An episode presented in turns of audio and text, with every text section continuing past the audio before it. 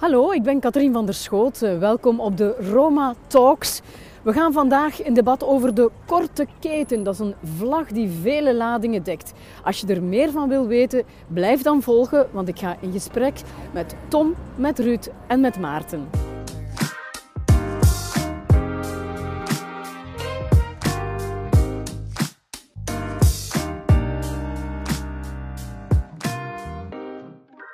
Wel, we beginnen bij het begin. Mm Ruud, wie ben je eigenlijk?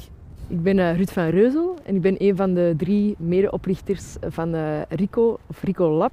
We zijn een coöperatieve buurtwinkel hier vlakbij op het uh, Kogelsplein in Deurne. Ja, Rico Lab, een letterwoord. Dat kan voor veel staan. Waar staat het voor bij jullie? de lab staat voor lokaal, afvalarm en biologisch. Dus uh, ja, wij, wij, kopen zoveel mogelijk rechtstreeks aan bij lokale bioboeren en uh, kleinere ecologische producenten. Ja, oké, dat is alles in één. Dat is eigenlijk een heel totaal concept ja, ja, ja, eigenlijk. Absoluut. Goed, hè? Ja. Ecologisch en uh, ja, sociaal dan eigenlijk ook. Hè? Een beetje onze fairtrade hier op lokaal vlak zou je kunnen zeggen. Ja, absoluut. Hoe ben je ertoe gekomen om in die sector te gaan eigenlijk? Hm. Waar, waar kom je vandaan? ik heb eigenlijk de afgelopen zes jaar bij de Roma gewerkt. En uh, mijn werk heb ik gecombineerd met een biolandbouwopleiding bij Landwijzer. Omdat ik ja, ook de stad en de natuur mee met elkaar wou verbinden. Um, en toen kwam een bevriend koppel, Matthias en Vera, die kwamen naar mij en die zeiden van we hebben het plan om in Antwerpen, of in Deurne eigenlijk, een uh, verpakkingsloze winkel te beginnen. En ik dacht toen van ja, puur van die winkel word ik niet zo warm, maar wel als we dat dan koppelen aan meer een uh, ervaringsplek, waar dat ook brood wordt gebakken, wat nu ook het geval is, deze brood. Um, en waarbij we echt met verschillende lokale boeren gaan samenwerken. Mm -hmm. Helemaal overtuigd dus. Hè? En hoe werkt dat dan, zo'n zo'n winkel? Je zegt, wij werken samen met lokale boeren. Dat is echt de korte keten. Hè? Mm -hmm. Hoe werk je dan? Um, ja, dus het goede is dat ik wel een netwerk heb van verschillende opstartende, eh, jonge bioboeren vanuit mijn opleiding dan. Um, er zijn er verschillende zo gevestigd in en rond Antwerpen. en wat wij echt belangrijk vinden is dat wij ja, hen sowieso een eerlijke prijs geven um, voor, voor hun producten. Dat wij ook niet gaan onderhandelen. En zelf, ja, dus korte keten zien wij als... We proberen onszelf zoals een klein mogelijke schakel te zien. We nemen een heel kleine marge op de producten. Um, um, maar wel op een duurzame manier, want we moeten natuurlijk wel ons eigen transport en loonkosten en zo mee in rekening nemen. Maar we gaan niet over die prijzen onderhandelen. En wat we heel belangrijk vinden, is dat we ook echt de verhalen achter de producten aan onze klanten kunnen meegeven dus op, eh, op een heel authentieke manier eigenlijk al de, ja, de info kunnen meegeven aan de klanten. En zo echt die, die band tussen de producent en de klant zo, klein mogelijk, zo goed mogelijk kunnen versterken. Ja, dat is voor jou dan echt korte keten of betekent dat nog iets anders? Nee, dus in de eerste plaats is het echt zo, zo rechtstreeks mogelijk aankopen bij, dan die, um, bij die bioboeren en producenten. Um, Mhm. Maar je zegt, um, wij nemen daar zo weinig mogelijk marge op. Mhm. Is dat dan economisch wel haalbaar? Kan je dan overeind blijven als winkel? Ja, dus dat is echt sowieso eh, de, de evenwichtsoefening. Dus we zijn in het begin ook met heel veel andere um, afvalarme uh, winkels gaan, gaan praten. We hebben ook gepraat met de Food Hub, waar we een heel fijne samenwerking nu mee hebben. Dat is ook een, een biologische groothandel. Dus we hebben echt heel veel onderzoek gedaan. Um, maar is, ja, de kunst zit er wel inderdaad in om de marge zo klein mogelijk te houden, maar wel onze vaste kosten mee te verrekenen. Mm Maar dus ja, ik wou nog zeggen van uh, winst staat daarbij zeker niet voorop. Dus we zijn ook een coöperatie.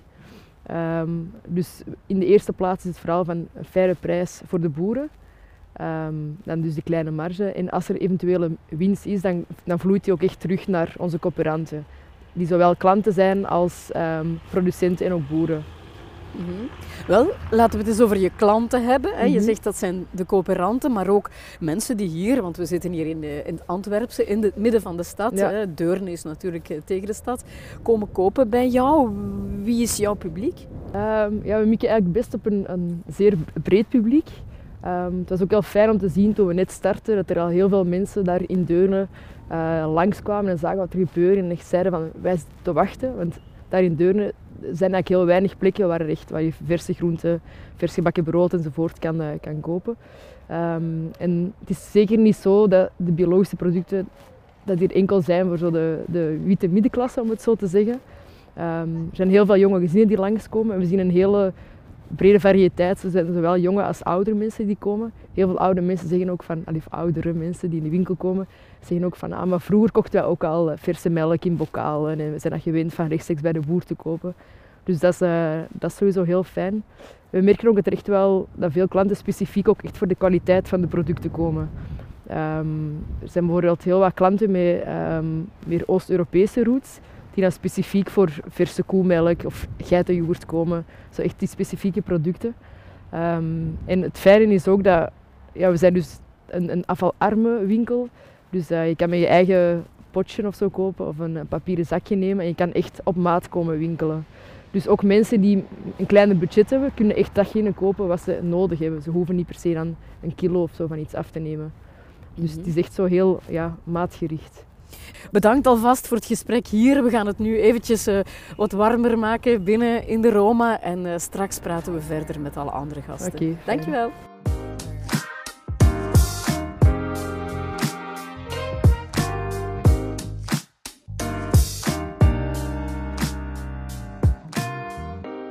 Ja, nog een fijn plekje in Borgerhout. Um, er staat een boom. Dat vind ik al heel geweldig. En uh, een, tof huis op de achtergrond. Goed, um, Maarten, het is jouw beurt. Wie, wie ben je eigenlijk? Stel je eens voor. Ik ben uh, Maarten Kerpetier en samen met mijn ouders uh, baat ik een biologisch melkveebedrijf uit in Stekenen. En we zijn tevens ook lid van de coöperatie biomilk.be. We zijn een Belgische coöperatie van biologische melkveehouders. En ik ben daar ook tevens secretaris van. Oké, okay, een biomelkveebedrijf. Uh, wat moet ik me daarbij voorstellen? Hoe groot is het? Uh, hoeveel ja. koeien hebben jullie? Uh, we bewerken, allee, of we gebruiken ongeveer een 80 hectare land. Met teelten als grasklaver vooral. En dan een beetje mais en voederbieten. En, dus dat eten produceren we voor onze koeien. En die zetten dat voedsel om in melk. Nou. Ja, en hoe kom je aan dat concept om dat zo te doen? Want je bent eigenlijk begonnen met je ouders dan toch, met traditionele landbouw. Waarom de, de biolandbouw? Uh, de interesses in de bio waren al langer aanwezig, maar dan eigenlijk de, de trigger om dan toch uh, de sprong te wagen, zal ik zeggen, is eigenlijk gekomen omdat ons toenmalige melkophaler de, de, de samenwerking wil stoppen. Ja, en dan hebben we beginnen nadenken van ja, wat is de toekomst en uh, hoe, hoe, gaat het, uh, de melksector naar waar gaan we best. En dan uh, hebben wij dan toch beslist om biologisch te worden. Ja. En kon je dat alleen in deze landbouwmarkt die België is, in Vlaanderen is? Ja, allee, we waren tegelijkertijd, want je hebt wel organisaties die de, de biosector een beetje vertegenwoordigt. En, dus we waren samen met een tiental, allee, tien boeren eigenlijk zijn ongeveer gelijktijdig omgeschakeld naar uh, de biologische melkvee. En de, dat zorgde er wel voor dat we hulp en steun aan elkaar hadden voor te zien hoe het bij een ander gaat. En dan zo uh, zijn we okay. er toch geraakt. Ja. ja, jullie werken in de korte keten, want daar gaat het vandaag over. Wat betekent dat dan voor jou? Heb je echt rechtstreekse afnemers, mensen die bij jou op de boerderij komen kopen? Uh, rechtstreeks op het bedrijf is zeer beperkt, dat zijn maar wel buren.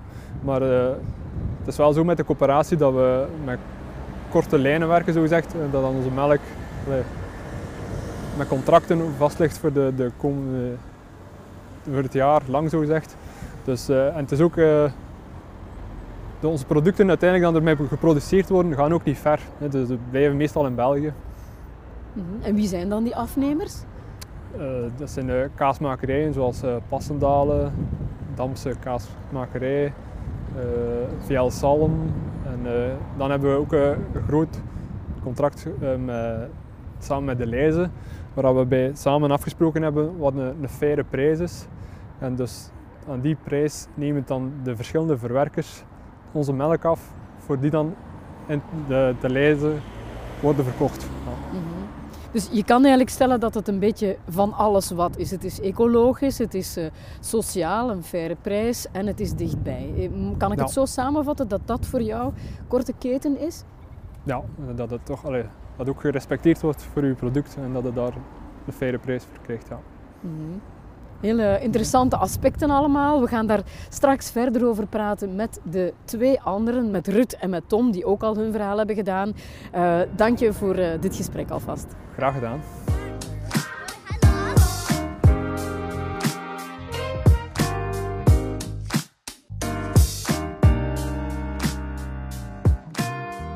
Ja, uh, Borgerhout stelt nog andere mooie plekjes. We zaten daar straks al aan de kerk, de Sint-Janskerk. En hier zitten we op het Krugerplein, moet ik zeggen, in Antwerpen. En voor mij zit Tom. Tom, stel jezelf eens even voor. Ik ben uh, Tom IJswijn. Ik werk bij Oxfam Wereldwinkels op de beleidsdienst. En houden we vooral bezig met de vraag hoe we ons uh, landbouw- en voedselsysteem duurzamer kunnen maken. En wat doe je dan vooral als, als werk? Uh, ja, dus voor een stuk analyse natuurlijk van de, ja, de, de trends, de evoluties in, in dat landbouw- en voedselsysteem. Uh, de, de politieke besluiten, de politieke evolutie uh, opvolgen. Maar tegelijk hebben wij als uh, netwerk en beweging ook een heel ehm, concrete component in onze werking. Omdat wij natuurlijk ook zelf in dat ehm, landbouw- en voedselsysteem en het handelssysteem actief zijn. Omdat wij heel veel producten uit het zuiden naar de lokale wereldwinkels hier in Vlaanderen brengen. Mm. Ja, duurzaamheid is natuurlijk een modewoord, hè? zeker de laatste tijd, zeker in coronatijden. Uh, hoe spelen jullie daarop in?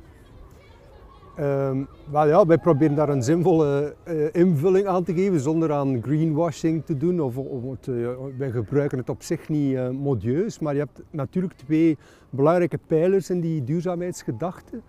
het ecologische, is, ja, is zeer actueel, ook in het licht van de klimaatcrisis natuurlijk, een, een, een, zeer belangrijke, urgente uh, pijler. En anderzijds betekent duurzaamheid natuurlijk ook een sociale duurzaamheid en het garanderen van, van mensenrechten, het, het voorkomen van uitbuiting en machtsmisbruik. Mm -hmm. het gaat over korte keten, je zou kunnen zeggen, dat heeft te maken met afstand direct van de boer naar de afnemer. Maar dat is niet helemaal, die, die vlag dekt die hele lading niet voor jullie. Hè? Nee, korte keten is, is een beetje een vaag uh, concept nog altijd en wordt dikwijls uh, gezien als een, uh, een inderdaad een geografische oplossing. Dus laat ons producten van nabij kopen, dan zal het wel goed zijn. Maar dat is natuurlijk een beetje kort door de bocht. En je zou korte keten ook kunnen zien als een, een ja, de, de, de, het aantal tussenschakels, het aantal beperkte tussenschakels in die keten. Uh, en, en daarop toezien dat je eigenlijk machtsmisbruik of uitbuiting uh, voorkomt. Dus in principe als je rechtstreeks koopt bij een coöperatie en ervoor zorgt dat je een eerlijke prijs betaalt en die consument ook bereid is om een, die billijke prijs te betalen, zonder dat je je positie als tussenhandelaar misbruikt, dan kan je ook spreken van een korte keten, ook al komen die producten van, uh, van over grote afstand natuurlijk. -hmm. Jullie zijn natuurlijk in de eerste plaats een Noord-Zuid organisatie met uh, heel lang de focus op Zuid. Hoe breng je daar dan die Noord-factor in nu en die korte keten? Uh, wel, het is inderdaad zo dat wij al geruime tijd één, het ecologische aspect omarmd hebben en, en al meer dan tien jaar eigenlijk ook bioproducten opnemen, uit het zuiden dan wel maar de laatste vijf jaar ook inzetten op het, uh, het verkorten of het, of het, uh, het werken met uh, meer wat wij dan Noordproducenten noemen. En zo bijvoorbeeld in ons appelsap zijn overgestapt van ja, fairtrade producenten van ver af naar lokale Limburgse appeltelers die dan voor ons dat appelsap maken bijvoorbeeld. Of dat, we hebben voor twee jaar geleden een uh, bier ontwikkeld met uh, uitsluitend Belgische ingrediënten. En op die manier proberen we toch eigenlijk ook aan te tonen dat je op een duurzame, rechtvaardige manier lokale producten kan uh, ja, op, realiseren. Mm -hmm. Nu, het gaat een beetje vooraf aan wat er nadien nog zal volgen in het gesprek, maar wat is de belangrijkste boodschap die de, de luisteraars, de kijkers moeten onthouden van jullie uit? Ja, als je, als je nadenkt over, over korte keten en dat ziet als een mechanisme om op een verantwoorde manier te, te, te consumeren, dan zou ik um, ja, het afstappen van het idee dat, dat het van nabij moet komen aan zich. Want het is niet omdat het van nabij komt dat het duurzamer is, nog in ecologisch, nog in sociaal uh, opzicht. Dus de vraag die je als consument eigenlijk moet stellen is uh, in, in, in, in, relatie tot die korte keten, is ja oké, is, dat product komt op een verantwoorde, uh, ecologisch duurzame en sociaal duurzame manier op, op mijn bord terecht. Oké, bedankt voor het uh, inleidende gesprek en ik nodig je uit om dan samen in gesprek te gaan met Maarten en met Ruud in de Roma. Ja, met plezier.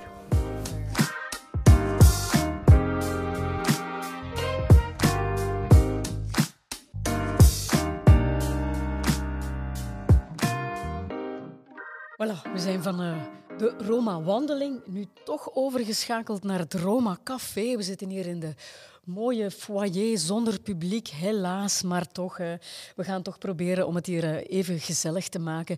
Jullie hebben zich al voorgesteld.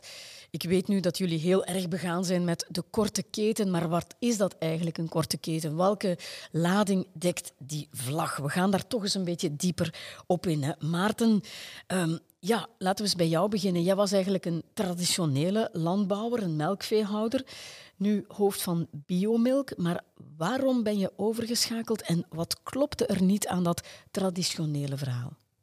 Uh, bij ons, het bedrijf, uh, waren eigenlijk al langer geïnteresseerd om met die bio te beginnen. En dan is er eigenlijk een moment gekomen waarop de toenmalige melkafnemer de samenwerking heeft uh, stopgezet.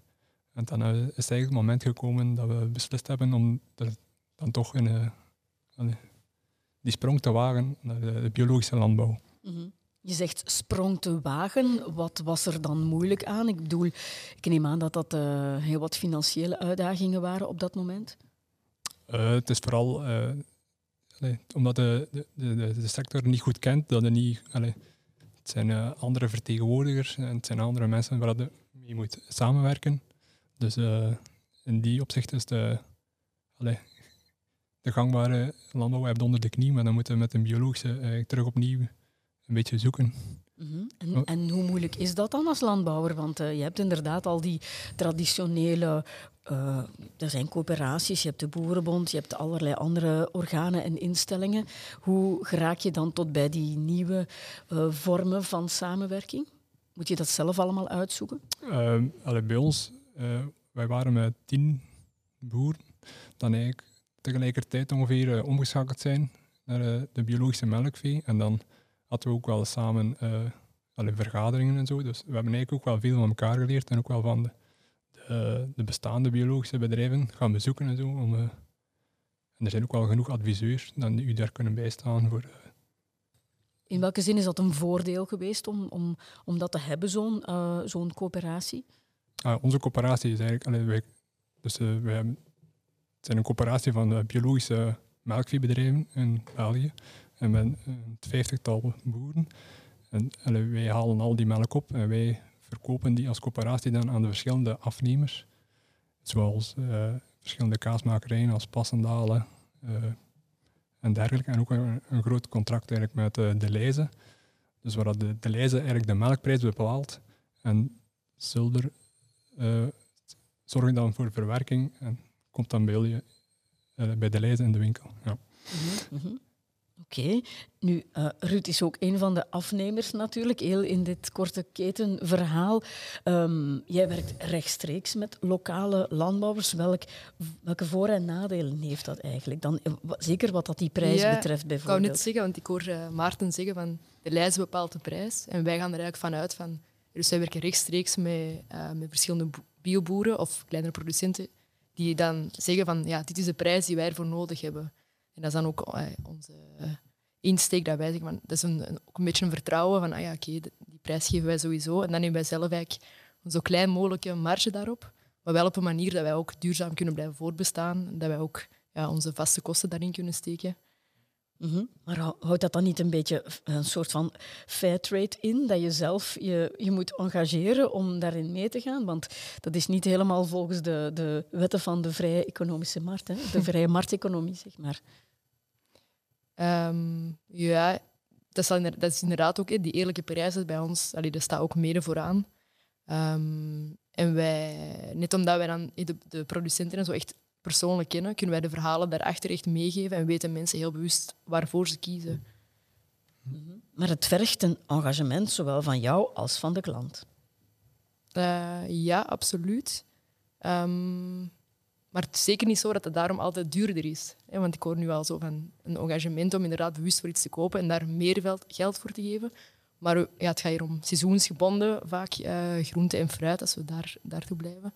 Ehm, dus dat hoeft zeker niet per se duurder te zijn. Ik denk dat dat zo een cliché is van uh, ja, bio is direct duurder en zo, maar uh, dat is niet per se waar. -hmm. Ik ga daar Tom eens zijn, zijn mening over vragen. Tom van, van Oxfam, je hebt het een beetje het helikopterzicht daarover. Wat, wat uh, valt je op als je deze twee mensen aan het woord hoort? Je hebt aan de ene kant de producent, aan de andere kant de afnemer in die kleine korte keten. We hebben al de woorden engagement gehoord, uh, ja, prijs. Je moet er een goede en eerlijke prijs voor krijgen. Hoe, hoe zie jij dat zo'n beetje van, van bovenuit? Wel, ik denk inderdaad dat dit de invulling is die je aan korte keten, aan het concept uh, moet geven. Maar dat concept op zich nog voor vele interpretaties vatbaar is momenteel. Maar deze manier, die eigenlijk een, een soort handelsrelatie op basis van respect, wederzijds respect, uh, voorstaat, lijkt mij de enige mogelijke correcte invulling van die korte keten. Dus het gaat er eigenlijk om dat je, dat je de machtsverhoudingen binnen handelsrelaties, uh, ja, een beetje, dat je daar rekening mee houdt en die niet misbruikt. Bijvoorbeeld dat een opkoper niet uh, zijn, zijn uh, situatie misbruikt om de boer zijn prijs te laten druk, drukken, omdat hij weet dat die boer toch moet verkopen op dat moment. Dus uiteindelijk gaat korte keten niet over nabijheid op zich of over het, het vlakbij zijn van de boer in, in, in, uh, in, in, Vlaanderen op, op, zich, maar gaat het erom dat je op een respectvolle manier koopt en verkoopt aan elkaar. -hmm.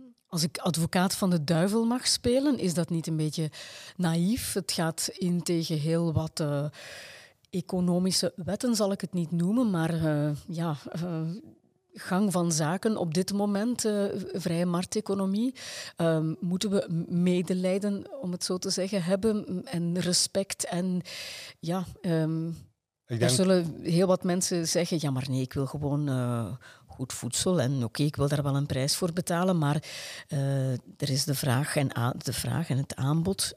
Hoe, kijk je daarnaar? Ik denk dat dat idee van wetten van de economie, dat dat een misvatting is. Dat er niet zoiets is als een natuurwet die, die bepaalt dat je altijd zo goedkoop mogelijk moet, uh, aan je voedsel zien te geraken, of aan al je producten moet zien te geraken. Dat is een beetje een misvatting in onze cultuur als consument, denk ik, dat we op jacht moeten gaan naar de meest goedkope dingen, ten koste van, van die producenten die erachter zitten. Dat is natuurlijk ook een beetje waar Oxfam al 50 jaar voor strijdt dan. Uh, dat je die, ja, de, producent achter die producten uh, moet, uh, moet zien en dat, je die, dat er geen enkele reden is om die niet met respect te behandelen.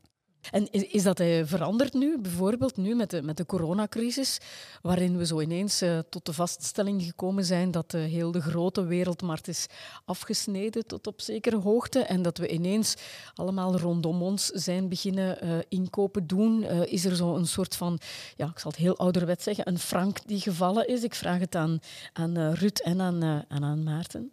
Ruud?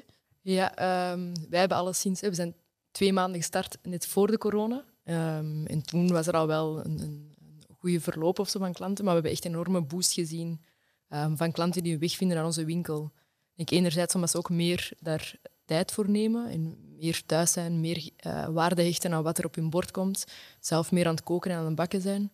Uh, maar we ook echt wel veel vragen naar zo de oorsprong van uh, ja, de ingrediënten en het voedsel. Dus mm -hmm. wat ons betreft zeker. En jullie doen daar ook, ja, jullie maken daar publiciteit rond of, of bewustmaking? Of hoe, hoe, hoe, breng je dat aan de klant dan? Ja, we zitten heel hard in op communicatie en echte authenticiteit. Dus het, het transparante proces en de verhalen achter de producten en de producenten. Dat speelt echt een grote rol. Ja, ja Oxfam is daar natuurlijk professioneel mee bezig. Vind je dat dat nog veel meer zou moeten gebeuren vanuit bijvoorbeeld de overheid of uh, in de media? Um, dat de mensen door de bomen ook het bos kunnen zien. Want je hebt natuurlijk heel veel labels.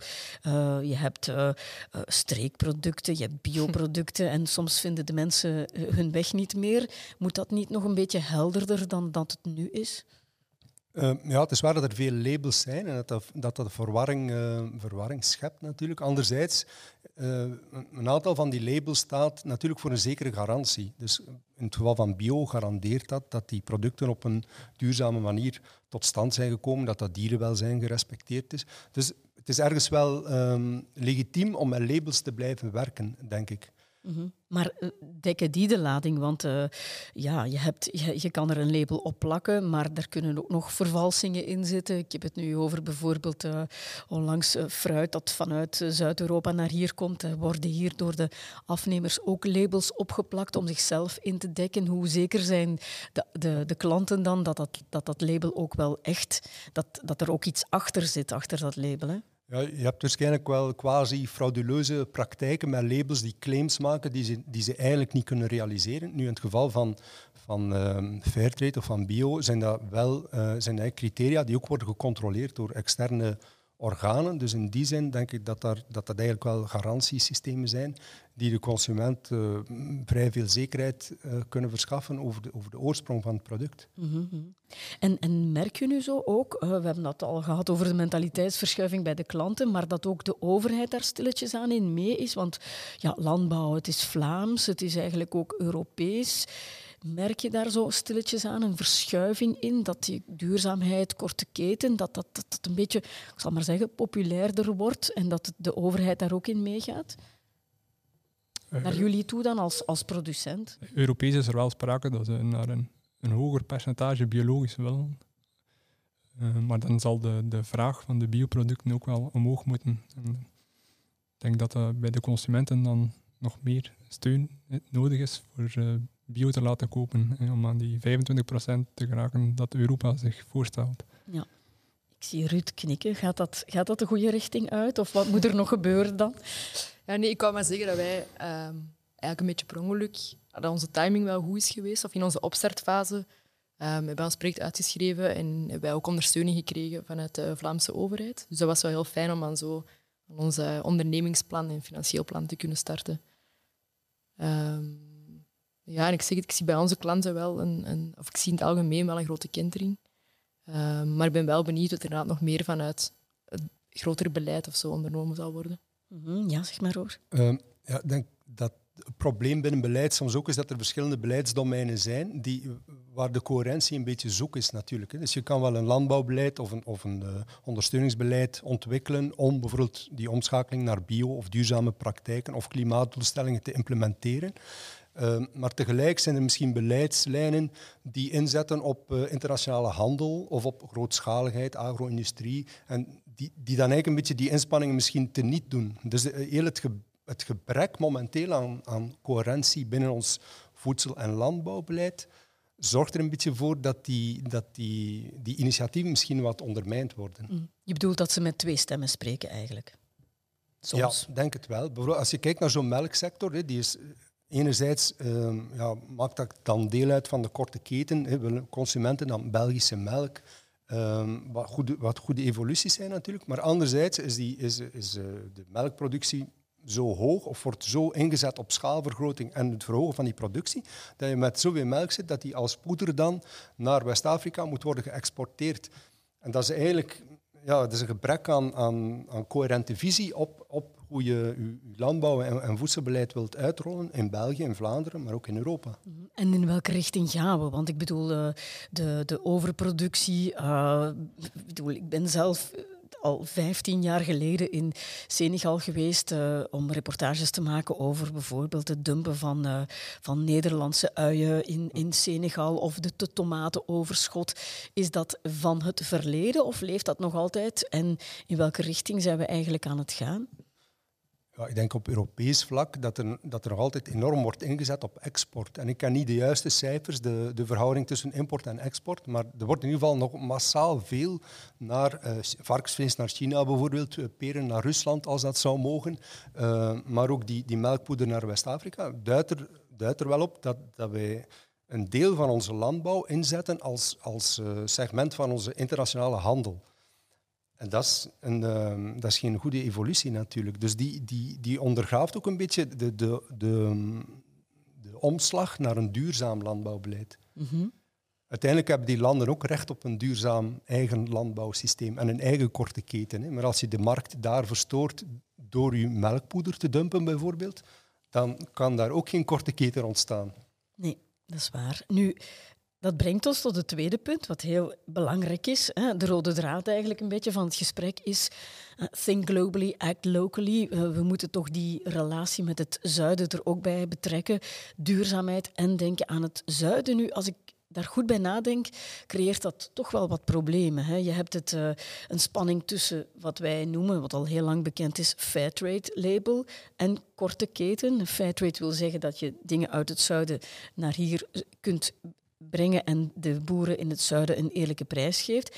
En je hebt de spanning tussen bio en korte keten. Nu, Ruud, ja, hoe los jij dat op in je winkel? Wat verkoop je allemaal? Mhm. Wat is fairtrade? Wat is korte keten? Wat is... Het staat voor de drie, heb ik ja, gehoord. Ja, uh, dus uh, hoe, hoe, los je dat op? Doe je, is het een en-en verhaal? Um, ja, het is een in-in verhaal. Dus in de eerste plaats um, willen wij zo breed mogelijk lokaal en biologisch aanbod creëren. Ja, allemaal ja, dus lokale Belgische producten. en dan zijn er natuurlijk ja, een aantal eh, producten die van verder moeten komen. Dus ik denk dan bijvoorbeeld aan bananen en koffie. Daarvoor kiezen we dan aan fairtrade en biologisch sowieso. Um, maar er zijn ook wat producten die we willen aanbieden en die uh, ja, van verder komen, zoals, en waarvoor het ook moeilijker is om met die labels te werken. Denk maar aan, aan pinda's, aan rijst en cashewnoten. En op dat moment heb je net behoefte aan een label, omdat er ja, weinig transparantie is, omdat je die, de boer of de producenten daarachter niet persoonlijk kent. En daar, ja, het is moeilijker om, om zo'n producten te vinden. Mhm. En wat is daar het belangrijkste voor jou? Dat het dan fairtrade producten zijn of dat het bioproducten zijn? Of uh, ja, wat, wat, speelt er dan mee? Um, ja, dan, dan proberen wij toch voor fairtrade in bio te gaan. Fairtrade het blijft een, het blijft ja. een in-in verhaal. Oké. Maar het is niet altijd simpel. Nee, Daarom dat ik het ook eens aan, aan Tom vraag, want uh, ja, Oxfam is er al heel lang uh, mee bezig. Um, met heel lang het accent op eerlijke handel en de laatste tien jaar ook meer binnen die Fairtrade aandacht voor het ecologische aspect daarvan. Ja, je zult mensen hebben die zeggen, ja maar als ik Fairtrade dingen koop, dan uh, is dat een grote transportkost en zou dat een grotere ecologische voetafdruk kunnen hebben. Uh, hoe gaan jullie daar eigenlijk mee om? Of is dat eigenlijk een cliché dat helemaal fout is? Um, wel, het is een beetje een cliché of een, of, een, of een gangbare misvatting, zal ik maar zeggen, dat, dat transport op zich een, de grote ecologische kost is in, in uw voedselketen of in uw handelsketen. Dus dat hoeft zeker in het geval van voedsel eh, niet zo te zijn. Ik denk dat een, het transporteren van, van wijn uit Chili via een, een, een eh, container op een schip uiteindelijk duurzamer is dan die wijn uit, uit, uit Spanje halen of uit Zuid-Frankrijk over, over de weg. Dus die discussie moeten we wel nuanceren. En het is net in dat idee of in, in, die, in dat concept korte keten dat, dat dat wat moeilijk ligt, omdat je direct denkt aan geografische nabijheid. En dat is, dat is niet de belangrijkste parameter van een duurzaam, een duurzaam voedselsysteem of een duurzame handelsketen. Wat niet wegneemt natuurlijk, dat je wel uh, duurzame, zo duurzaam mogelijk die producten tot stand uh, moet laten komen. Hè. En dus biologische productie is, een, uh, een garantie op een, op een, ja, een ecologisch verantwoorde productiewijze. Uh, we zeggen korte keten is misschien niet het juiste label. Het zou beter duurzaam zijn. Maar je zou ook kunnen zeggen, ook daar in het zuiden moet je een korte keten hebben en een lokale afzetmarkt in plaats van de producten naar hier te brengen. Vind je dat ook? Of hoe sta je daar tegenover? ik denk zeker dat, dat, uh, de, dat uh, de productie in het buitenland dat, dat die best altijd lokaal zoveel mogelijk wordt verdeeld, zogezegd, om die transport in het algemeen te verminderen. Maar als er uh, producten niet in het binnenland kunnen geproduceerd worden, eh, omdat in andere landen ze dat een warmer klimaat of een kouder klimaat hebben, dan denk ik, als er de vraag naar is van de consumenten, dat er zeker uh, geproduceerd worden, ook voor het buitenland, zogezegd dan, voor die landen. Of, ja.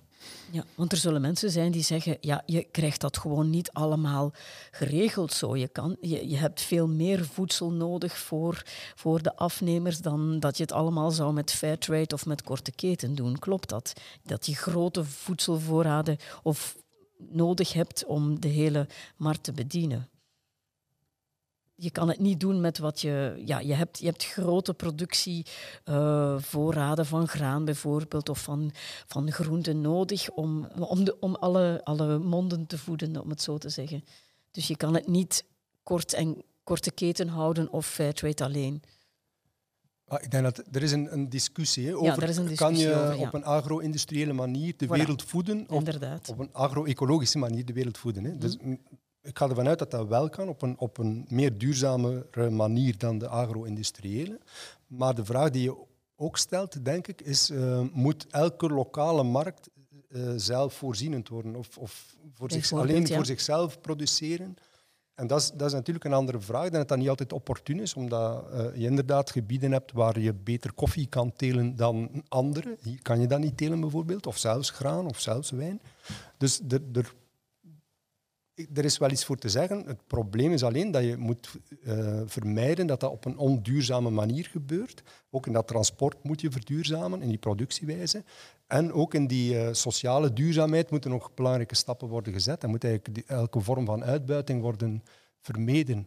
Dus op zich heb ik niet zo'n probleem met de geografische uitgestrektheid van waar je dingen produceert en consumeert, maar wel met de manier waarop je dat als mens gaat organiseren, als maatschappij of als markt. Mhm. En hoe kan je dat dan, dat sociale en dat ecologische op elkaar afstemmen? Want het is natuurlijk geen garantie dat als iets een biolabel heeft gekregen, dat dat ook sociaal eh, goed geproduceerd is en dat de, de werknemers die bijvoorbeeld op die boerderij werken, dat die niet uitgebuit worden. Ja, dan, bio en fair is dan, is dan natuurlijk een, een, eh, ja, het begin van een garantie. Hè. Mhm. Maar dan moeten ze twee labels hebben natuurlijk. Hè. Het is niet het ene... Ja, eh, maar dat, dat ja. is perfect mogelijk natuurlijk. Je, je, heel veel, uit de, in de Oxfam Wereldwinkel bijvoorbeeld zijn heel veel producten bio en binnen vijf jaar zullen die bijna allemaal bio zijn. Dus je kan die keuze wel maken als, als organisatie, als beweging, als consument ook. De vraag is alleen, ja, hoe, hoe ver gaat de, de markt daarin mee en gaat de consumenten daarvoor eh, openstaan natuurlijk. Dat leidt ons tot het, eh, het laatste hoofdstuk. En wat zijn de uitdagingen? We hebben al gezien dat het de redelijke goede richting uitgaat en dat corona daar misschien een en ander in heeft eh, versneld. Wat, wat zijn jullie belangrijkste uitdagingen? Eh, we gaan terug naar de bron, naar Maarten, hè, de, de producent. Waar, waar kan het nog verbeteren voor jou in, jouw, in jouw manier van werken? Ik denk dat vooral, er wordt soms veel of misgecommuniceerd over het bio. Gelijk als de, de vraag van eh, biologisch kunnen de wereld niet voeden.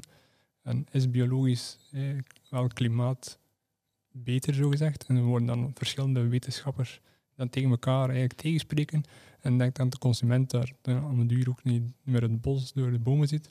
Dus ik denk dat we daar nog meer werk aan hebben als biologische sector om ons toch te profileren of onze sterke punten beter in kaart zetten, om zo de, de consumptie van de biologische productie, producten omhoog te krijgen. Oké, we hebben het ook al over het Fairtrade label gehad. Zou, je, eh, is dat- zou dat goed zijn om voor jullie ook een soort van prijsgarantie te hebben voor, voor jullie producten? Een soort Belgische Fairtrade, zou dat eh, ook een, een goede optie zijn? Ja, ik denk, allee, moest dat mogelijk zijn om ook eh, een soort van logo van de Fairtrade op onze producten te krijgen, dat dat een extra stimulant is, stimulans is om te verkopen. Ik denk niet dat dat verkeerd zou zijn. Ja. Hoor je dat bij jouw klanten ook, eh, Ruud? Ehm, ja, allee, sowieso. Maar ik denk ook wel dat wij zelf ook garant staan voor... Dat, wij hebben elk product met zorg uitgekozen. Hè. Wij, wij, wij hechten heel veel belang aan het verhaal erachter. Dus wat ik eerder al zei, zo die authenticiteit en zo, en in het verhaal dat we zo, het feit dat wij zo transparant zijn, neemt dat belang aan, aan zo'n allee, aan zo'n label eigenlijk weg. Omdat wij dat, ja, er zelf garant voor staan. Ehm, en het is vooral bij ons aan de producten die van verder komen. Daar is dan een, eigenlijk een groter, is dat belang groter van een, een, eh, een label dat eraan hangt. De- jullie bouwen eigenlijk een, een soort vertrouwensrelatie Ja, ja, op voilà. tussen boer en klant en staan dan zelf garant omdat je die, Ja. die beide partijen eh, goed kent natuurlijk. hè. Dat is wel een interessante manier om, om lokale verse producten aan de man te brengen, die ook voor de boer heel, heel goed zijn meestal. hè. Ja, en zijn jullie daar als Oxfam dan eh, ook over aan het nadenken, over zo'n Fairtrade label voor Belgische boeren bijvoorbeeld? De, de boeren in het noorden zijn nooit onze focus geweest, denk ik, de, tot vijf jaar geleden. Dus het is vooral ingezet op de, de, de coöperatie in het zuiden, die met nog wel een probleem van een andere orde te maken hebben natuurlijk. Dus zeer zwakke markten, uh, zwakke steunmaatregelen, een uh, veel, veel precairdere situatie dikwijls dan boeren uh, hier. Dus dat is mhm. een beetje onze historische rol geweest, maar die, die wordt nu wel aangepast, omdat we... Je ziet ook gewoon dat heel veel boeren het hier moeilijk hebben. Hè.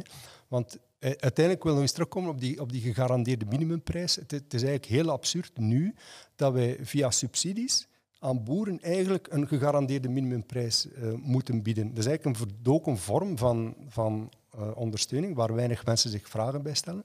Het is raar dat je enerzijds wilt dat je producten goedkoop zijn en dat die boer zo goedkoop, zo goedkoop mogelijk moet produceren, maar anderzijds dat je wel toestaat dat je subsidie, je belastinggeld uiteindelijk, wordt gebruikt om die prijs dan op te krikken.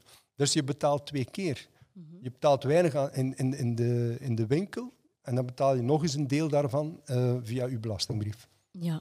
Hoe, hoe, hoe, zie jij dan, als je dit nu hoort, hè, die, die evolutie in de, in de organisatie zoals, zoals Oxfam en hun manier van uh, het anders te gaan bekijken wat fair trade is en ook dat het nodig is om, om uh, landbouwers zoals jij te steunen. Vind je dat een goede evolutie? Hoe, hoe, hoe, hoe kijk jij daar naartoe? Ik denk zeker niet dat het verkeerd is om van duurzame modellen te ontwikkelen uh, in de nabijheid of in het zuiden, om uh, zo toch de mensen de, de keuze te kunnen hebben dat ze voor duurzame producten kunnen kopen. Mhm. Maar wordt het dan iets van de klant? Is dat dan zo'n beetje de, de omschakeling? Dat je zou kunnen zeggen, geef het dan een Fairtrade label waar de klant wel een juiste prijs voor betaalt, misschien minder subsidies, dat het gewoon een, dat de steun zich op een ander niveau bevindt eigenlijk. Dat je het meer bij de klant legt dan, dan bij de overheid bijvoorbeeld.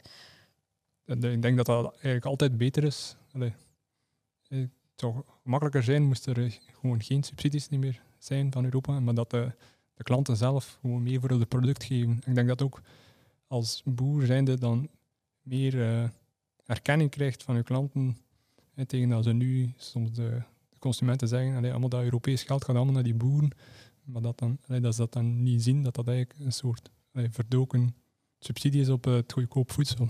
Mm voilà, ja. Dat, dat is toch een vraag die ik ook nog eens moet terugkoppelen naar, uh, naar Ruud, hè? naar de klant, want ik zie jou knikken. Uh, gaan we de, de verantwoordelijkheid of het, het, bewustzijn bij de klant leggen, meer dan bij de overheid? Goh, ik, ja, ik blijf vinden dat dat een in-in verhaal is. Uh, dus ik denk dat er nu al wel een grote mentaliteitsverschuiving is, wat we al hebben gezegd. Dus dat mensen echt wel, allee, we toch een toename zien van dat bewuster consumeren, maar het puur bij de klanten liggen, de, of bij de, in, bij de burgers, klopt ook niet. Mm -hmm. Wat denk jij, Tom? Ja, uiteindelijk moet de overheid ook moet het mhm. kader scheppen hè, waarbinnen je je voedsel kan verbouwen en consumeren. Dus lijkt mij, allez, je kan die dimensie zeker niet wegdenken en verwachten dat die klant alles zal oplossen. Dus die ja, wetten en, en, en, en limieten aan die vrije markt moeten door de, door de overheid worden uh, opgelegd natuurlijk. Mm -hmm. Laten we niet vergeten dat, hoewel er veel veranderd is nu, hè, na corona, dat er, dat, dat er een soort... Um, bewustzijn gegroeid is, dat dat nog altijd niet over de grote meerderheid van die consumenten gaat. Hè. Dus ik zou niet alleen rekenen op de spontane verlichting van, van de consument. Nee. Als die er al is natuurlijk, hè, want uh, mensen vergeten natuurlijk snel. Straks is corona voorbij, iedereen is uh, gevaccineerd en gaat het misschien opnieuw de slechte kant uit. Wat, dat is misschien mijn laatste vraag aan jullie allemaal. Wat denken jullie? Gaat het de goede of de slechte kant uit? Zullen de mensen vervallen in hun oude gewoontes of uh, hebben ze echt iets bijgeleerd? ik ga nog even de tour de table daar rond doen. Tom, begin jij maar. Ja, ik denk dat die evolutie uh, naar bewuster consumeren, of het groeiende draagvlak daarvoor, dat die eigenlijk al bezig was voor corona. Hè. Dus al een aantal jaren zien we een verhoogde interesse in de oorsprong van de producten en een voorkeur voor duurzaamheid, zij het uh, ecologisch of, of, sociaal. Dus die evolutie is, is, uh, is niet alleen door corona in gang gezet, is een beetje versterkt nu, denk ik. Um, dus dat stemt mij dan wel hoopvol. Oké, hoopvol, dat onthoud ik. En bij jou, Ruud? Ja, ik, ik beaam uh, wat er gezegd wordt. Hè. Dus dat was inderdaad ook het idee van ons om te ondernemen. Dat kwam ook niet uit het niks. Dus nu, uh, het was al langer dat we met dat idee speelden. We zijn daarmee net voor corona begonnen. Um, maar ik denk inderdaad, dat, dat, het is echt al een, het is een tendens die al lang bezig is en die zich wel gaat voortzetten. Daar ben ik wel van overtuigd. Mhm. En jij, Maarten, zie jij het zitten? Ja, ik zie het zitten. Nee, ik denk wel dat ook wel dat de consument zich meer bewust is van de, de, de duurzame producten dat ze kunnen kopen. Ja. Ja. Ik denk dat dat dan een goede manier is om dit af te sluiten. Ik denk, uh, dit was geen café met publiek zoals het eigenlijk had moeten zijn, maar dit publiek kan veel groter zijn als je het allemaal nog gaat delen, ook uh, op de sociale media. Laten we hopen dat er heel veel mensen naar jullie zullen luisteren en kijken en dat uh, de boodschap doorgegeven wordt. heel hartelijk dank aan Ruud, aan Maarten en aan Tom en aan het publiek.